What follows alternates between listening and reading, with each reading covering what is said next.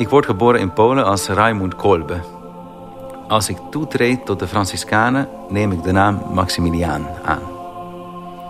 Ik studeer filosofie en theologie in Rome en word daarna priester.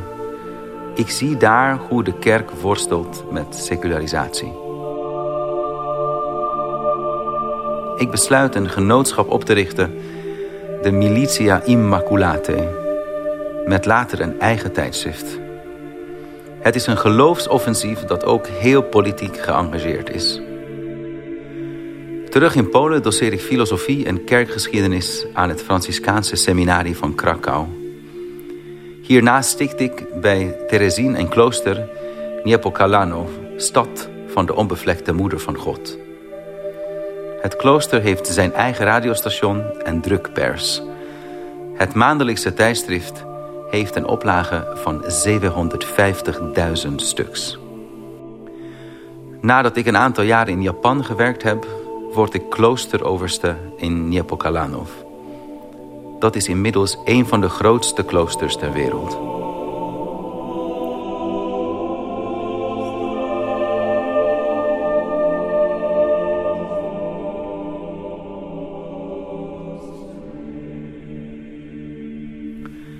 Na de inval van de nazi's in Polen bieden we met het klooster onderdak aan 3000 vooral Joodse vluchtelingen. We blijven journalistiek actief en we verspreiden via het klooster antinazistische boodschappen. Hierdoor worden 30 mannen gevangen genomen, waaronder ikzelf. Na drie maanden word ik vrijgelaten, maar ik geef niet op. Ik blijf doorgaan met het geven van felle kritiek op de nazi's via krantenartikelen en de radio.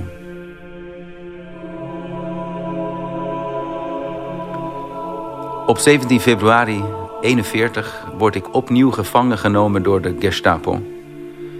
Het is vreselijk, maar ik weet dat dit erbij hoort als je echt je stem wilt laten horen.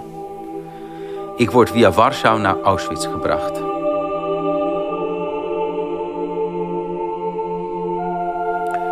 Op een moment is er een vermoedelijke ontsnapping van een barakgenoot. Als afschrikking worden tien mannen aangewezen die de hongerdood zullen moeten sterven. Een van hen, Frans heet hij, begint te roepen om genade. Hij heeft een vrouw en kinderen. Hij wil niet dood. Ik besluit naar voren te stappen en zeg dat ik een katholieke priester ben. Ik zeg, ik wil sterven voor die man. Ik ben oud.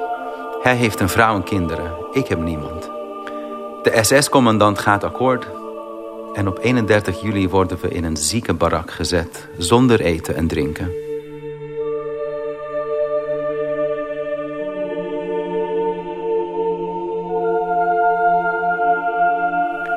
Ik probeer steeds om de anderen moed in te spreken en zing en bid met hen om licht te vinden in dit ondraaglijke leed. Twee weken later zijn drie van hen en ik nog min of meer in leven. Wij worden omgebracht met een dodelijke injectie.